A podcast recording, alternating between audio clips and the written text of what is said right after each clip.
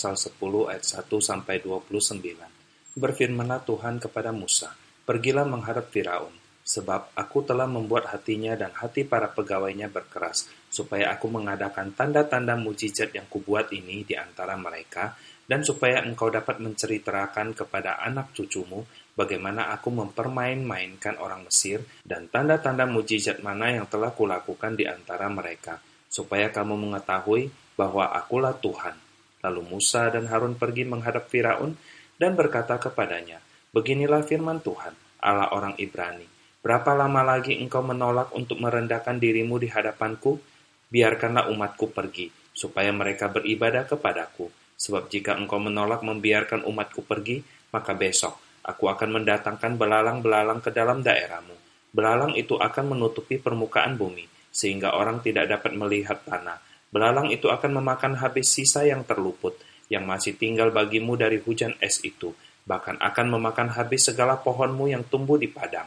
Belalang itu akan memenuhi rumahmu, rumah semua pegawaimu, rumah semua orang Mesir, seperti yang belum pernah dilihat oleh bapamu dan nenek moyangmu, sejak mereka lahir ke bumi sampai hari ini. Lalu berpalinglah ia dan keluar meninggalkan Firaun. Sesudah itu berkatalah para pegawai Firaun kepadanya, Berapa lama lagi orang ini akan menjadi jerat kepada kita? Biarkanlah orang-orang itu pergi supaya mereka beribadah kepada Tuhan Allah mereka. Belumkah Tuanku insaf bahwa Mesir pasti akan binasa? Lalu Musa dan Harun dibawalah kembali kepada Firaun dan berkatalah Firaun kepada mereka, Pergilah, beribadalah kepada Tuhan Alamu. Siapa-siapa sebenarnya yang akan pergi itu? Jawab Musa, kami hendak pergi dengan orang-orang yang muda dan yang tua, dengan anak-anak lelaki kami dan perempuan, dengan kambing domba kami dan lembu sapi kami, sebab kami harus mengadakan perayaan untuk Tuhan.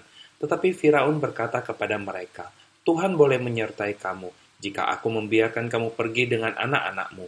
Lihat, jahatlah maksudmu. Bukan demikian, kamu boleh pergi, tetapi hanya laki-laki dan beribadalah kepada Tuhan, sebab itulah yang kamu kehendaki Lalu mereka diusir dari depan Firaun. Berfirmanlah Tuhan kepada Musa, Ulurkanlah tanganmu ke atas tanah Mesir, mendatangkan belalang dan belalang akan datang meliputi tanah Mesir, dan memakan habis segala tumbuh-tumbuhan di tanah, semuanya yang ditinggalkan oleh hujan es itu. Lalu Musa mengulurkan tongkatnya ke atas tanah Mesir, dan Tuhan mendatangkan angin timur melintasi negeri itu, sehari harian dan semalam malaman. Dan setelah hari pagi, angin timur membawa belalang. Datanglah belalang meliputi seluruh tanah Mesir dan hinggap di seluruh daerah Mesir sangat banyak. Sebelum itu tidak pernah ada belalang yang demikian banyaknya, dan sesudah itu pun tidak akan terjadi lagi yang demikian. Belalang menutupi seluruh permukaan bumi, sehingga negeri itu menjadi gelap olehnya.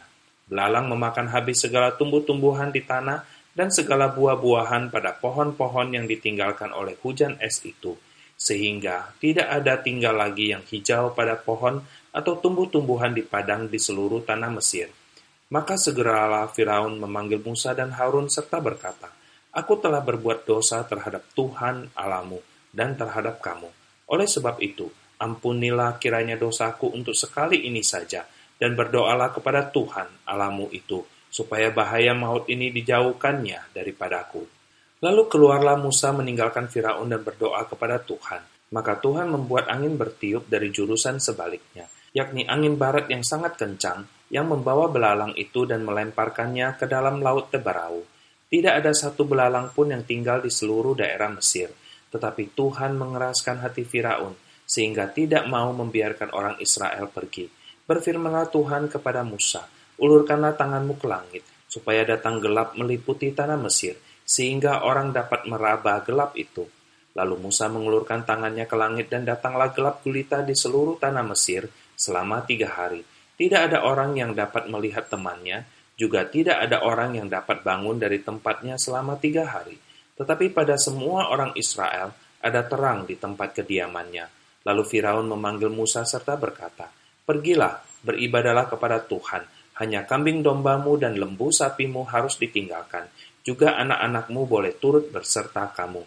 Tetapi Musa berkata, bahkan korban sembelihan dan korban bakaran harus engkau berikan kepada kami, supaya kami menyediakannya untuk Tuhan Allah kami, dan juga ternak kami harus turut beserta kami, dan satu kaki pun tidak akan tinggal, sebab dari ternak itulah kami harus ambil untuk beribadah kepada Tuhan Allah kami. Dan kami tidak tahu dengan apa kami harus beribadah kepada Tuhan sebelum kami sampai di sana. Tetapi Tuhan mengeraskan hati Firaun, sehingga dia tidak mau membiarkan mereka pergi. Lalu Firaun berkata kepadanya, Pergilah daripadaku, awaslah engkau, jangan lihat mukaku lagi, sebab pada waktu engkau melihat mukaku, engkau akan mati. Kemudian Musa berkata, Tepat seperti ucapanmu itu, aku takkan melihat mukamu lagi. Sahabat, Mesir dilulu lantakan oleh Tuhan. Tula-tula dari Tuhan menghancurkan apa yang menjadi kebanggaan bangsa Mesir. Tanaman gandum yang pernah menyelamatkan banyak bangsa dan tumbuhan hijau dihancurkan Tuhan. Tidak ada kemakmuran, tidak ada yang hijau lagi di tanah Mesir. Mesir tidak lagi menjadi tempat tujuan orang-orang untuk membeli makanan. Semuanya telah dimakan belalang dan dihancurkan oleh hujan es. Lalu bagaimana hati Firaun? Sudah lembutkah dia? Kesombongan dan kekerasan hati Firaun menghancurkan Mesir. Dia berkelit, dia bersiasat, tetapi perintah Tuhan tidak dapat ditawar atau diberi diskon. Hitam tetaplah hitam, putih tetaplah putih. Tidak ada daerah abu-abu. Musa akhirnya mengerti dan semakin mengenal Tuhan yang memanggil dan yang dia layani. Musa semakin tegar dan semakin kuat karena dia memang dipersiapkan Tuhan untuk memimpin bangsa Israel yang lebih keras dan lebih sulit daripada Firaun. Sahabat, Musa mengerti dan semakin mengenal Tuhan. Bagaimana dengan Anda? Sudah berapa lama saudara mengenal Tuhan? Sungguhkah Anda percaya pimpinannya? Sungguhkah Anda melayani dia dengan hatimu? Tuhan sedang menguji dan membentukmu. Amin.